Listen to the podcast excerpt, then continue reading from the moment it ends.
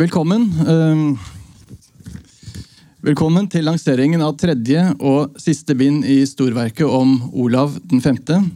Mitt navn er Ingebrigt Hetland, og jeg har vært eh, redaktør for eh, dette prosjektet. Om et lite øyeblikk får vi en samtale mellom Tore Rem og Ole Torp.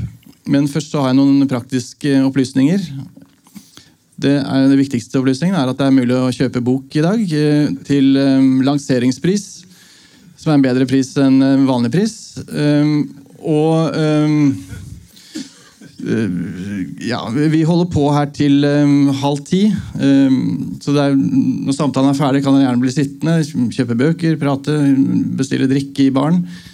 det er uh, toaletter. det er alltid veldig vanskelig å forklare, men det er forbi baren, ned trappen og rett fram. Og Der er det også en nødutgang eh, hvis man fortsetter videre forbi toalettene. Og så er det nødutgang ved inngangen, eh, og så er det nødutgang på siden. Det har jeg fått streng beskjed om å si. Um,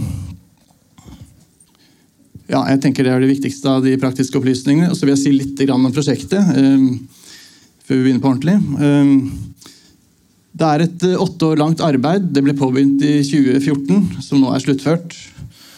Og bak de 1840 sidene eh, til sammen med alle tre bindene i fortellingen om Olav 5.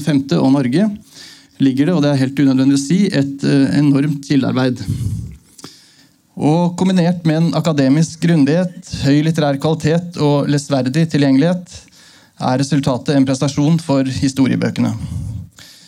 I en biografi som setter en ny standard for kongebiografien som sjanger, har Tore Rem beriket og nyansert bildet av folkekongen. Det er en historie om en skikkelse som så å si kom ut av viktoriatiden. En liten gutt som ankom landet som en fremmed, men endte opp som et symbol på det moderne Norge. Dette tredje bindet begynner i 1946, og denne delen av verket er en historie om et kongelig liv preget av savn og ensomhet. Men også en historie om et Norge i vekst og fremgang. Med dette verket og denne utgivelsen, som allerede har høstet uh, fantastiske anmeldelser, uh, befester Tore Rem sin plass som en av landets mest betydelige forfattere. Og På vegne av Cappelen Dam vil jeg gratulere deg, Tore, uh, med ikke bare en strålende utgivelse, men en litterær bragd som vil bli stående lenge. Helt konge, som en kollega av meg utbrøt. Så kjære Tore, gratulerer med utgivelsen. Jeg har blomster her også, faktisk.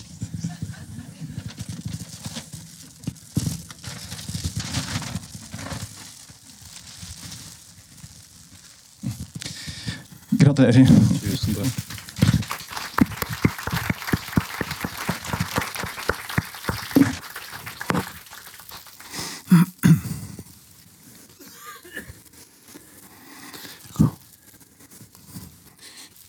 Ja, god aften, alle sammen.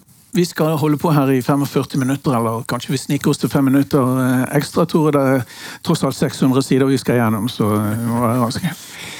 Eh, Tore og jeg har allerede vært på en liten turné. Prøvekjørt eh, publikum og sånn, men eh, vi har ikke hatt så stort publikum som vi har i kveld, så nå er vi fryktelig nervøse. La oss gå rett på sak, Tore. Da vi forlot kong Olav sist i forrige bind, var det da krigen var slutt, og vi snakker annen verdenskrig, selvfølgelig. En krig som jo han var meget opptatt av til sin dødsdag i 91. På hvilken måte vil du si at krigen preget ham uh, i hans kongsgjerning? Altså jeg, har jo lagt opp hele verket uh, med krigen som en type struktur, da, i og med at jeg valgte til slutt å, å, å skrive et midtbind som bare hadde krigen som tema. Og det var fordi Veldig tidlig så slo det meg at det han gjorde som var meningsfullt, tror jeg. I hvert fall slik han opplevde det på 20- og 30-tallet. Det var egentlig å være i Forsvaret og være i det militære. Så kom denne krigen. Så, han, så kastet han seg inn i virksomhet for første gang igjen. Det ga mening. Um, og så vil jeg si at han resten av livet egentlig levde på krigen. Han ble en av krigens, kanskje krigens aller fremste forvaltere i norsk offentlighet. Så jeg vil si at det var helt definerende for hans gjerning. Um, og det hadde både med selvfølgelig personlige minner å gjøre, hvordan det hadde forma han. Det er ingen tvil om at han vokste veldig personlig gjennom krigen også. Uh, men det hadde selvfølgelig også med institusjonens stilling. At uh, dette førte jo også til at monarkiets status, monarkiets stilling i Norge ble, ble mye tryggere da, enn det hadde vært i mellomkrigstida. Han, han, var jo offisersutdannet, og du forteller jo at han nærmest gråt av raseri og skuffelse over at han ikke fikk slutte seg til troppene i Norge før, før, kongefamilien ble evakuert. Det var vel ikke påtatt? Det var ikke påtatt, og det var ikke nærmest heller. Han gråt. ja, Det er flere, flere øyenvitneskildringer på det. Altså at han ville til fronten, og at han ville være igjen. Uh, for at folket skulle få et signal om at ikke alle stakk av. Eh, så han gråt sine modige tårer eh, da i eh, mai-juni 19... Men følte han at de stakk av? Han opplevde nok sånn, han var i hvert fall veldig redd for hvordan det skulle tolkes i befolkningen. Og underveis så husker jeg jo fra det, det materialet der, så det finnes jo noen bevarte brev, brev som folk sendte til dem mens de var i Nord-Norge. Hvor de takket varmt for at de ikke dro, men ble igjen. Og så må de plutselig ta den avgjørelsen. Mm. Ok, La oss spole til eh, en annen stor krise i hans liv, og da er vi i dette bindet. Eh, det er hans eh, kjære hustru, kusine og prinsesse Märtha som dør i 1954. Dette tok han meget tungt. Ja, det er et åpenbart før og etter i livet hans. Han sier jo selv at livets høydepunkt hadde vært bryllupet i 1929, og at det sorteste, mørkeste punktet i livet var, var Märthas død. Jeg vet ikke om vi skal, vi skal, minne om at det er Jeg pleier å si at dette er først og fremst en bildebok. Nei, det er, men det er mellom 150 og 200 bilder i hvert bind. Og veldig mange av dem er Skal vi se om dette fungerer, da. Det er jo ikke sikkert. Uh, kanskje den har ligget, kanskje den har hengt der for lenge. Der kom, kom det? Det var Sandringham. Hva er sendingen der? Nei, for jeg må peke dit, sikkert. Ikke dit. Dette var klønete. Der. Altså Der har dere den britiske prinsen. Eh, så Det er bare som en påminnelse om hvor han begynte. Han ble født på Sandringham-godset i Norfolk eh, i imperiets midte. Altså på et tidspunkt da det britiske imperium eh, dekket ganske store deler av kloden. Så noe av det som fascinerte meg, var jo Jeg vet at det ikke er helt uvanlig å bruke uttrykket 'reise' om et liv. Men det var denne reisen fra dette her og til kongen på trikken. Men eh, hvordan var det mulig? Altså, og Det viser jo faktisk også hans kanskje tidlige interesse for Absolutt, det er veldig tidlig.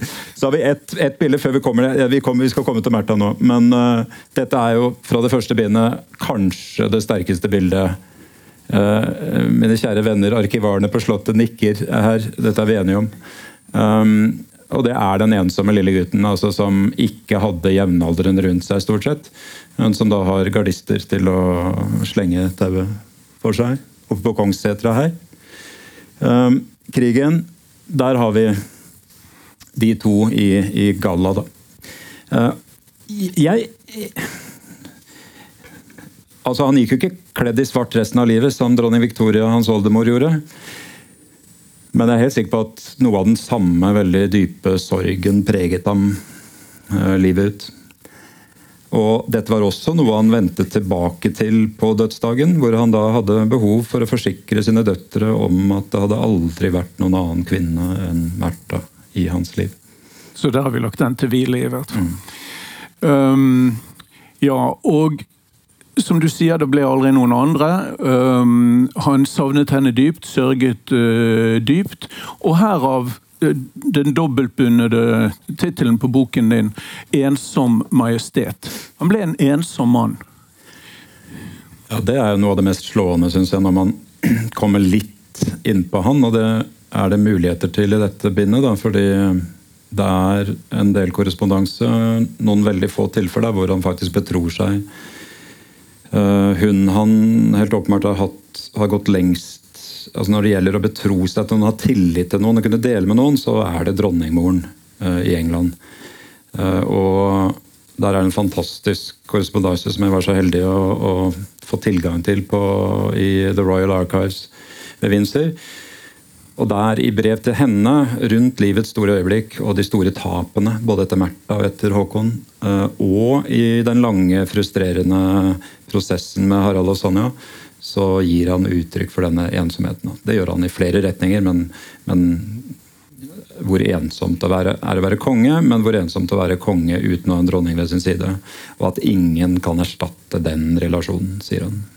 Og kanskje ingen å støtte seg til når problemene tårner seg opp, for det er vel rimelig å si det, om de tre eh, kriser som nå står foran ham ved barnenes forelskelser og, eh, og forlovelsesplaner.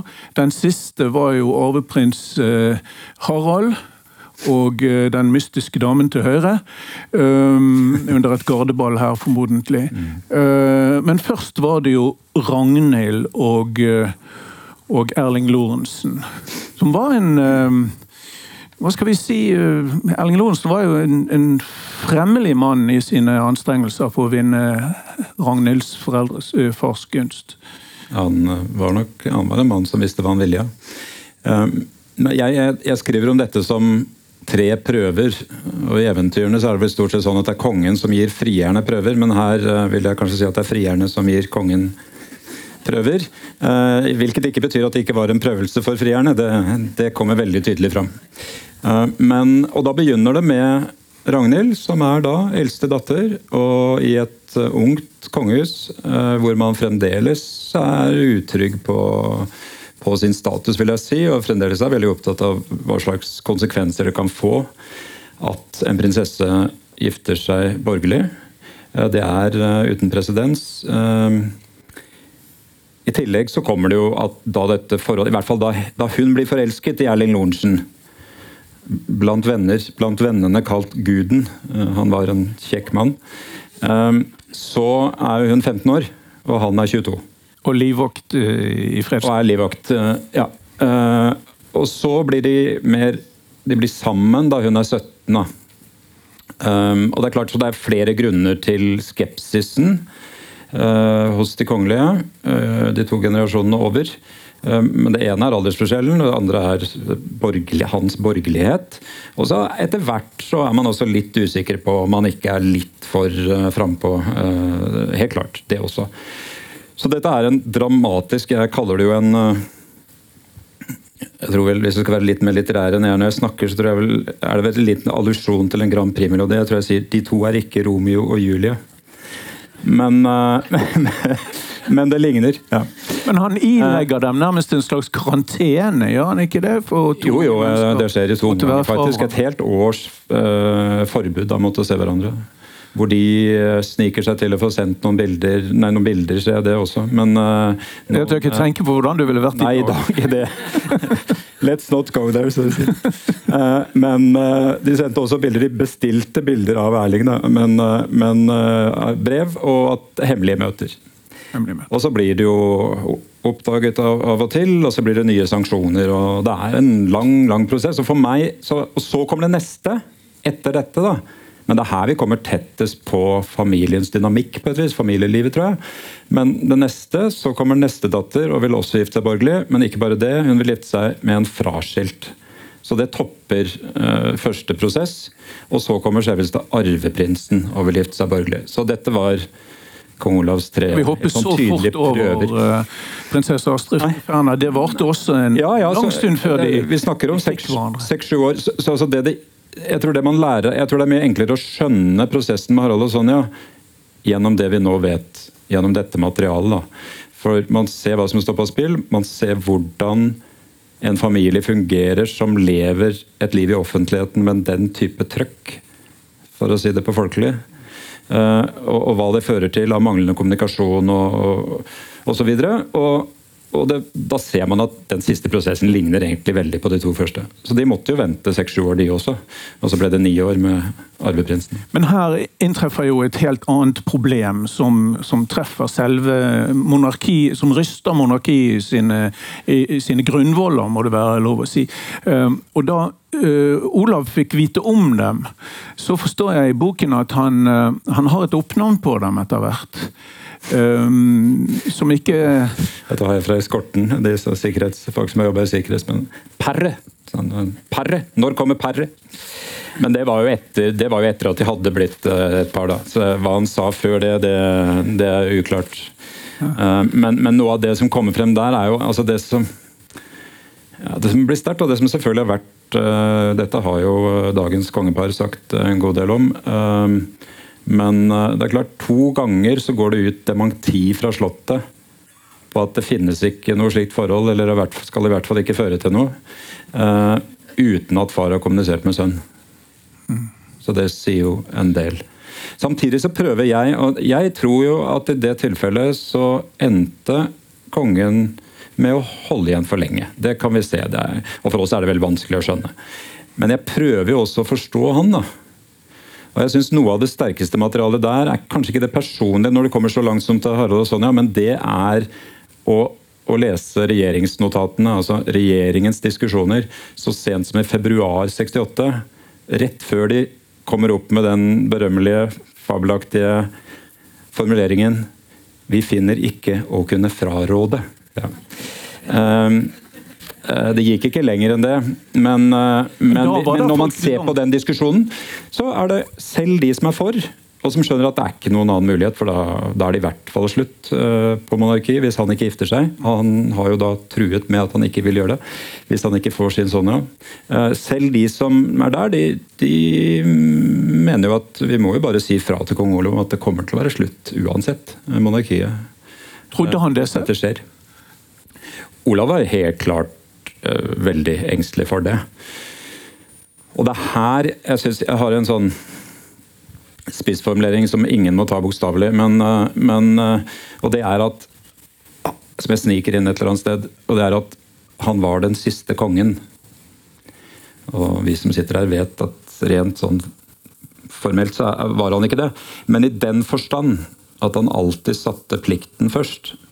Dronning Elisabeth 2. ligner veldig, vil jeg si. da. Og For de som har sett The Crown og som har fulgt med selvfølgelig de siste ukene og blitt minnet om hennes biografi, så er det det at det er institusjonen som kommer først. Altså monarkiets overlevelse. Det er det han er satt på denne jord for å sikre.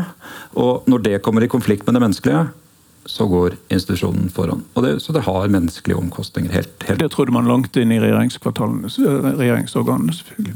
Og, øh, og kronprinsen midt oppi dette er rimelig omtale som øh, hva skal vi si, molefonken, eller sur, eller hva vil du si? Han ble jo kalt prins Mutt i svenske aviser, i hvert fall. Men altså, han, han, det, det er jo, man kan avlese det i offentligheten. altså hvor, hvor dårlig det forholdet er, og hvor lite begeistra han er for å representere i de årene. altså mot slutten her. En emosjonell avstand mellom mellom far og sønn. Dessverre. Mm. Men ø, ø, vi må nesten inn på ø, kongens humør. eller det motsatte i disse dagene, eller disse årene i hvert fall. Eh, for du beskriver jo at han var en monark med et enormt temperament.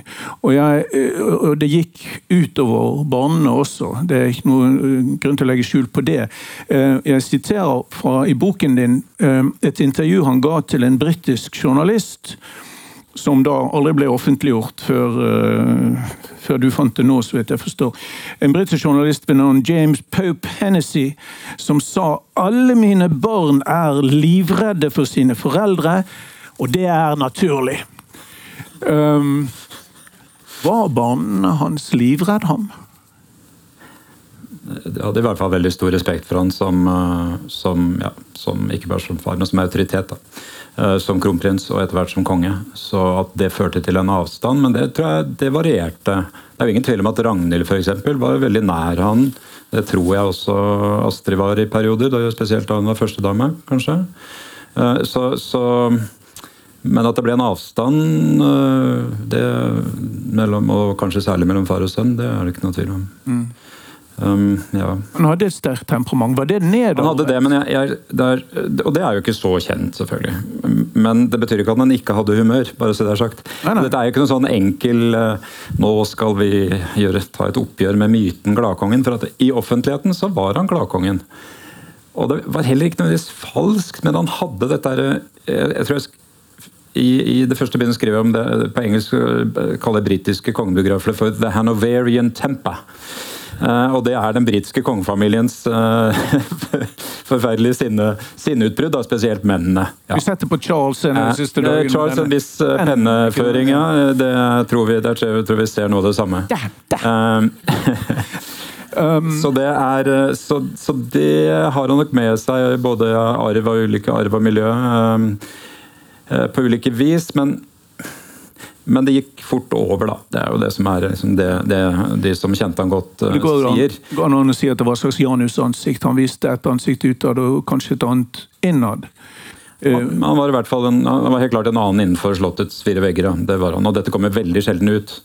Uh, så uh, Men du har et bilde av det? Ja, Det var det jeg lurte på om vi fant. Uh, Nå var det noen stakkars pressefolk her, her ser det, Dette er et veldig sjeldent eksempel på at han kjefter på pre kjefte på pressen, hvor det er beskrevet også av en journalist.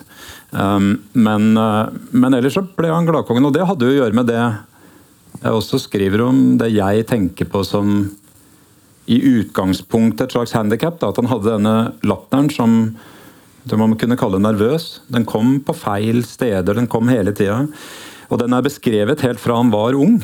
Og da er det ingen tvil om at de som observerer han da, knytter det til en veldig dyp blyghet. At han var beskjeden, at han ikke likte å være i offentligheten. En slags nervøs latter. Ja, at da kom den der tiden. Men så vil jeg si, i løpet, og mange kommenterer det mye senere i livet også, at det er vanskelig å forholde seg til den. Fordi man vet ikke hvordan man skal reagere. Men så tror jeg likevel, hvis vi ser på dette som en del av si, monarkiets historie, da, så er det, så, eller hva det gjør med institusjonen, så tror jeg likevel at det blir en ressurs. Og det er sånne på en måte, det er sånne ting jeg har prøvd å se. Da både øh, ja, Prøve å se begge sider her. For jeg tror at det ble forvandlet til en, til en ressurs, og han blir gladkongen. Det er skrevet bøker om han som heter Gladkongen.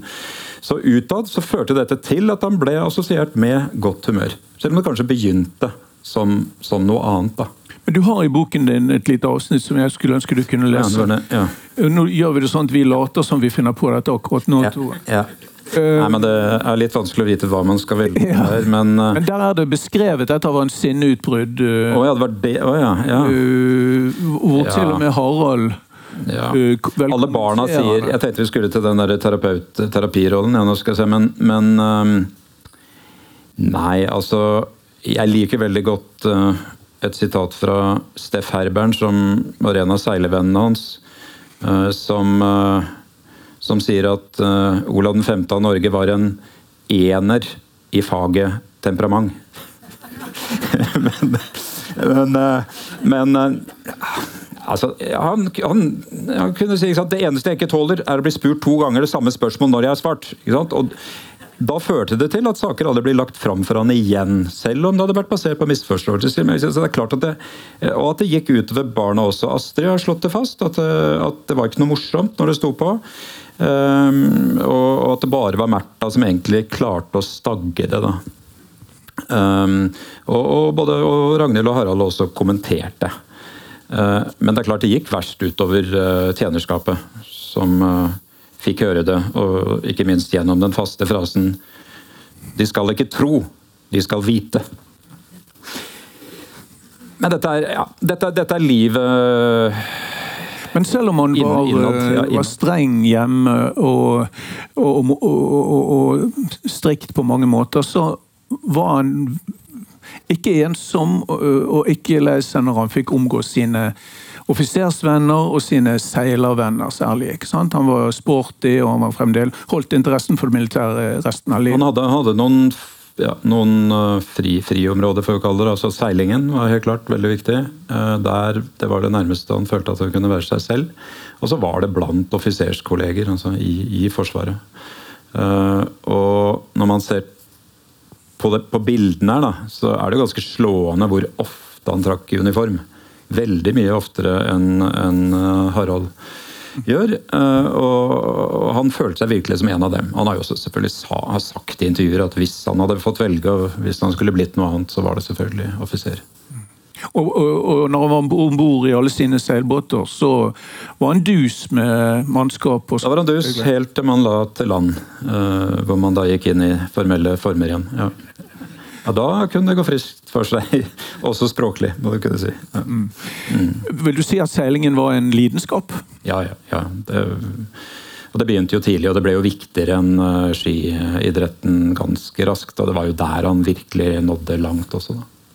To norske, eh, typiske norske idretter på den tiden. Og Det var så mye lidenskap at da hans far, eh, kong Haakon, falt på gulvet i, i badet, og man alarmerte eh, daværende kronprinsen på Hankø eh, om at han burde komme hjem, da, eh, da tok det litt tid.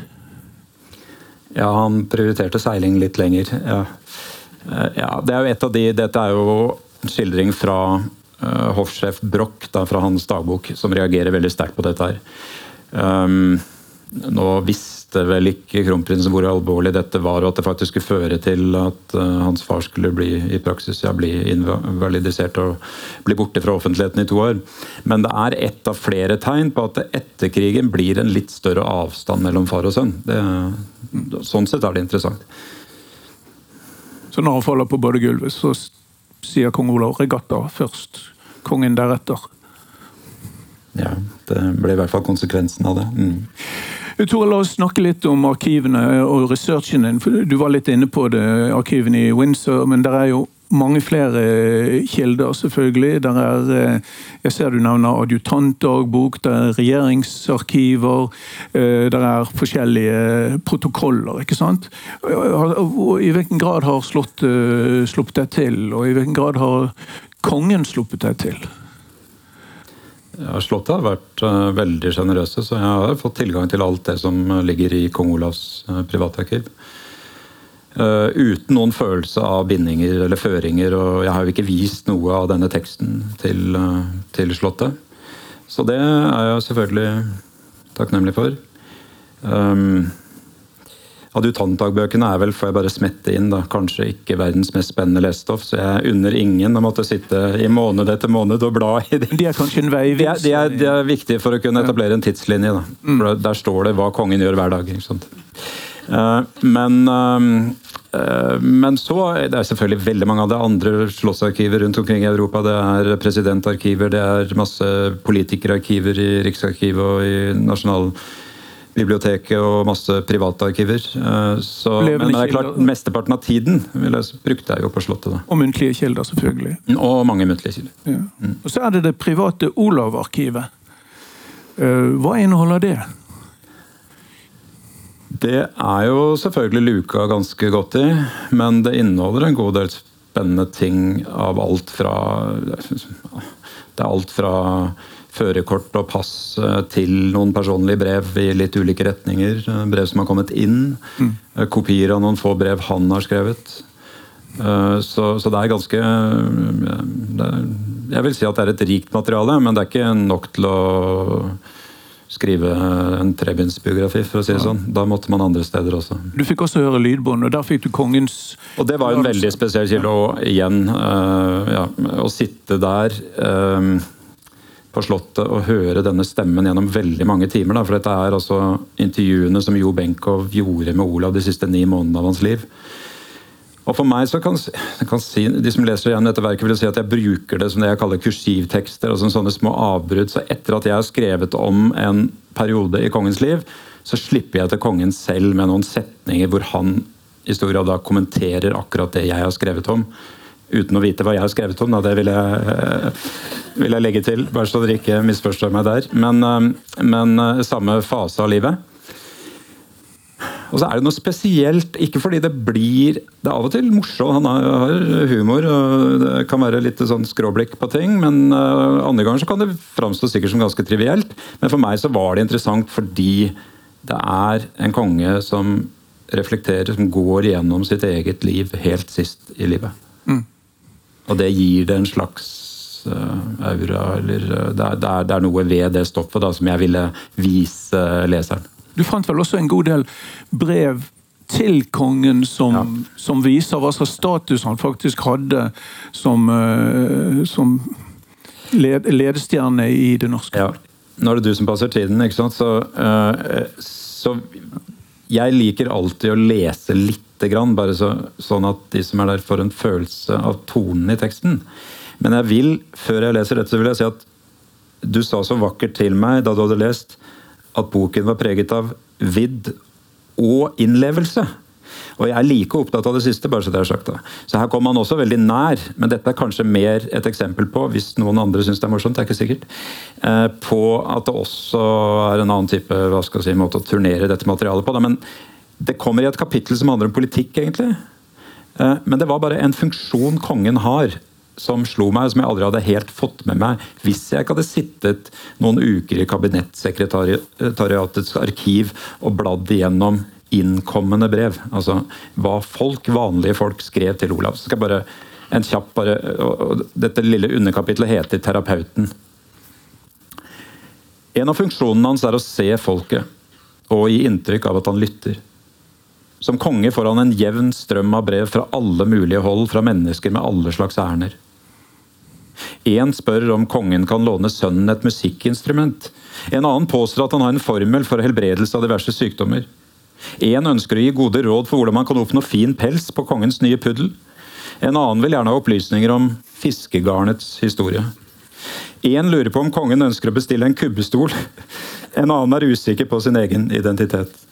Én ber om unnskyldning fordi han gikk over gaten og slik forårsaket at kongens bil måtte stoppe. En annen bekjenner å ha stjålet et eple på kongens eiendom. Én ønsker seg et reservat for sirkusdyr, mens én utlending klager over dårlig behandling på et norsk hotell en annen over prisnivået i Bergen. Én viser til en oppfinnelse av en medisin mot kreft, en annen foreslår eh, oppførelse av en statue av Jesus på Golgata. Én eh, truer med drap og blir vist videre til den lokale politimester. En annen lurer på om det er mer enn fire vers av salmen 'Aftensolen smiler', og blir videresendt til biskopen i Oslo. Én lurer på om en gift kvinne kan ha samleie med hvem hun vil. mens andre påstår å være slektninger av ulike europeiske kongelige. Mange ønsker fred i verden. En rekke av forespørslene går videre til mer relevante instanser enn Slottet. Gjennom oversikten over korrespondansen til kabinettsekretariatet i kong Olavs tidlige år som regent, får man inntrykk av en av hans mer ukjente roller, som nasjonens overterapeut. Kanskje fylte han også slik en politisk rolle, spør jeg. Rett etter krigen hadde den inngående korrespondansen vært preget av landssvikernes appeller. I tillegg hadde mange mer eller mindre verdig trengende bedt kongen om økonomisk støtte. Mot slutten av 60-årene mottar kong Olav en liten strøm av protester mot utrydding av hval og nedslakting av småsel. Ellers fortsetter det som før. Én vil gjerne synge for kongen. En annen har fått det for seg at han vil anskaffe seg en gorilla, og ønsker seg majestetens tillatelse.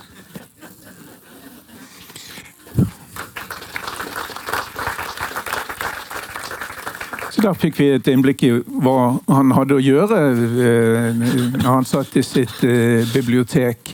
Eh, men så er det jo brevene fra kongen. Tore, der er, der er, la oss si det er to hovedkapitler i det. Det ene er hans søndags, eventuelt mandagsbrev til Brasil, hvor han skrev til Ragnhild om stort og smått. Veldig mye dagligdags.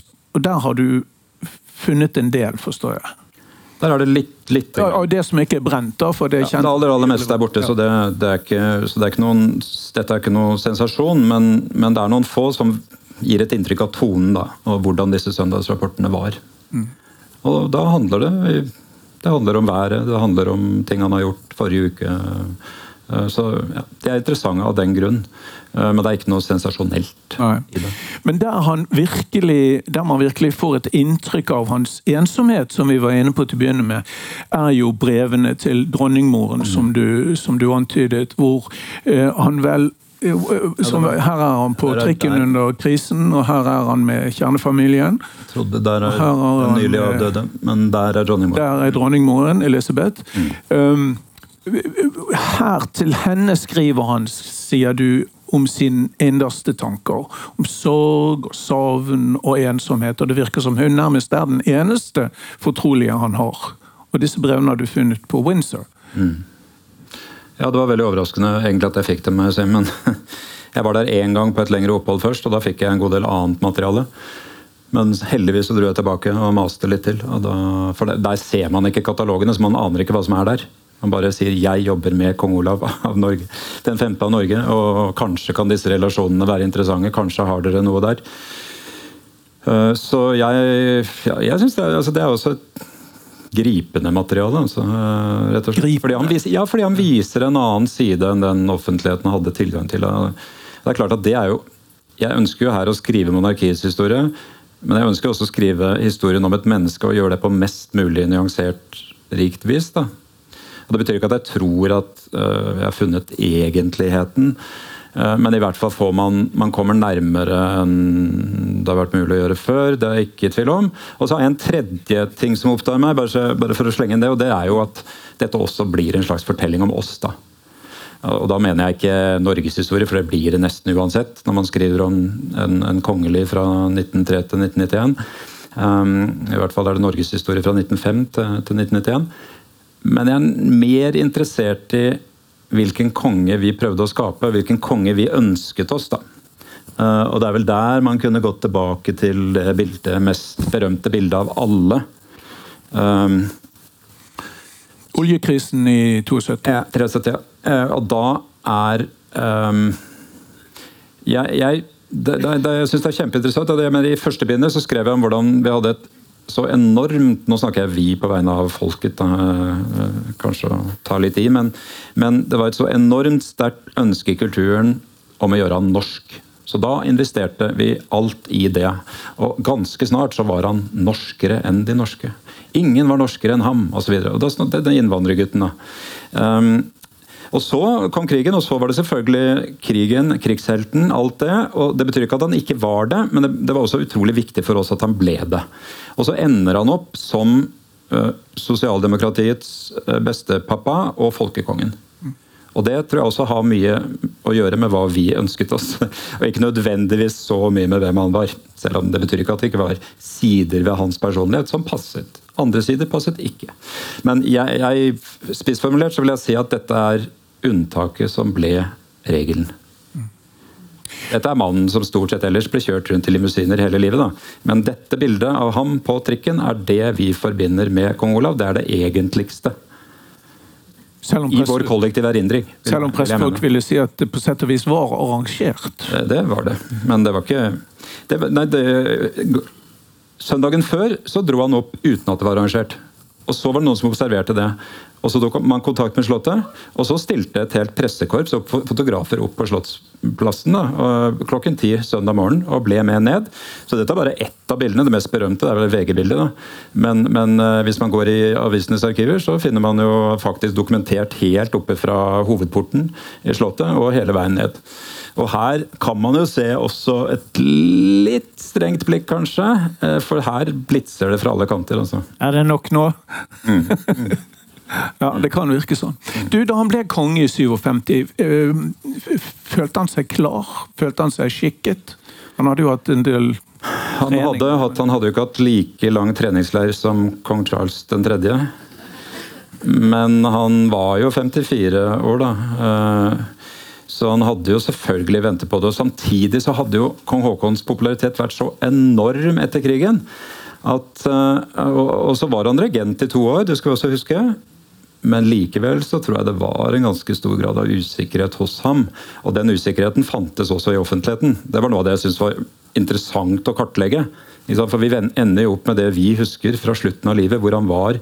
Han ble jo kåret til århundrets mest populære nordmann med klar margin.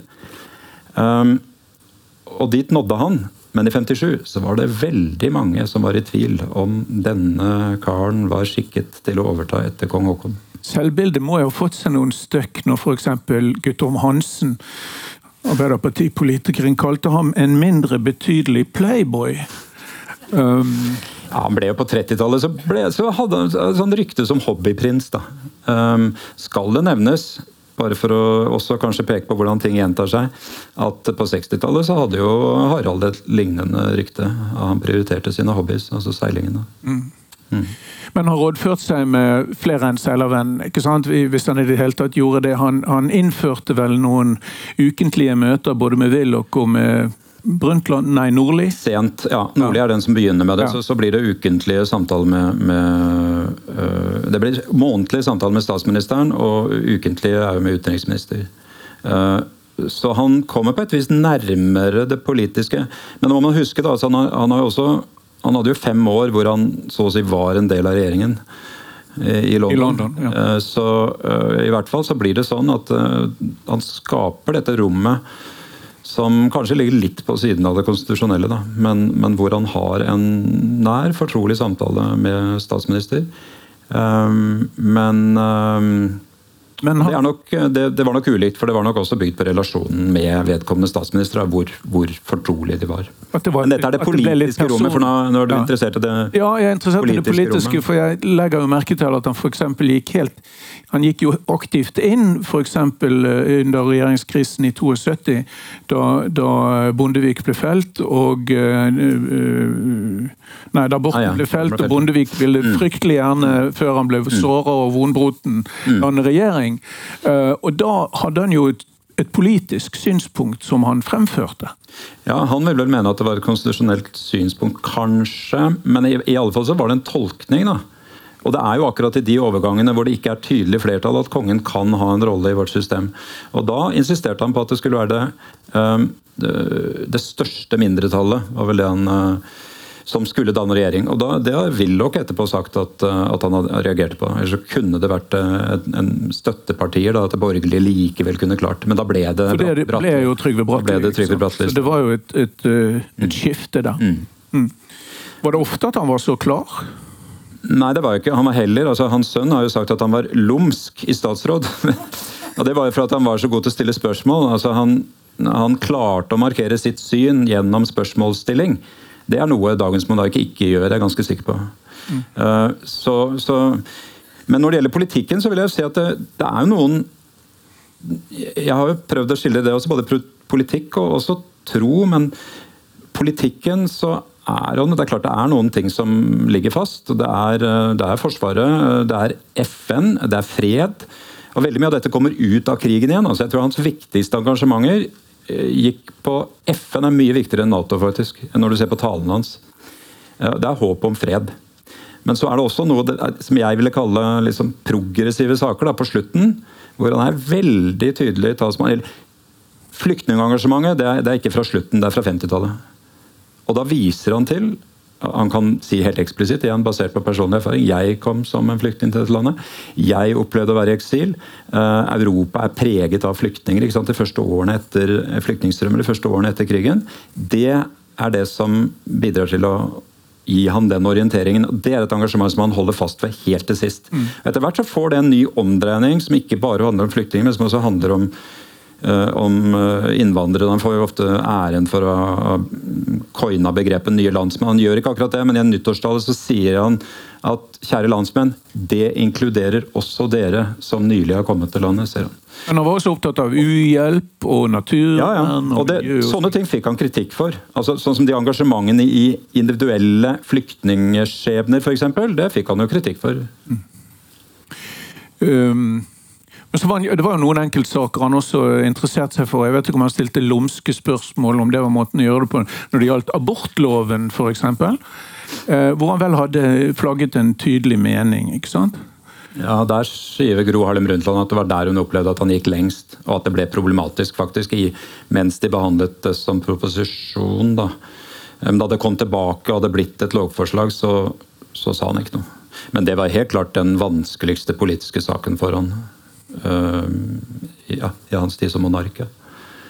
Det tror jeg. Altså, å si, i, tillegg til bilbelte Ja, Jeg skulle til å komme inn på den viktige saken om bilbelteloven, men jeg tenkte vi kunne hoppe over den, for der fikk han vel disp, som det heter. Der fikk han dispe. Han var veldig imot. Det var nok en sånn type britisk liberalisme som lå veldig eh, tungt i han, og som eh, ingen skulle tvinge han til å ta på dette bilbeltet.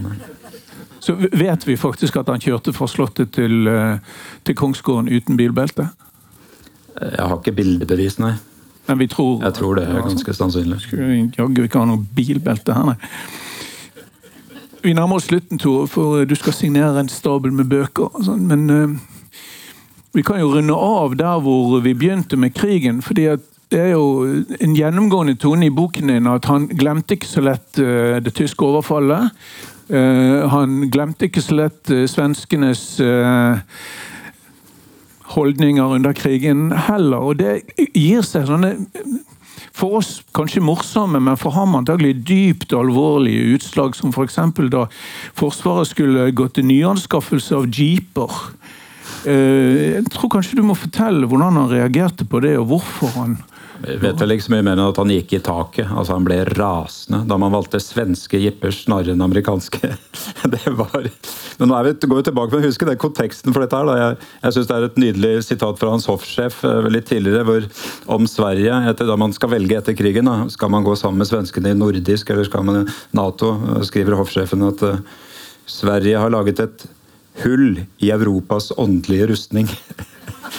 Så den skepsisen den, den skepsisen til svenskene den, den, sitter veldig tungt. Og til den svenske kongefamilien. altså Nære slektninger, eh, tross alt. Ja, og det gjaldt vel Håkon også?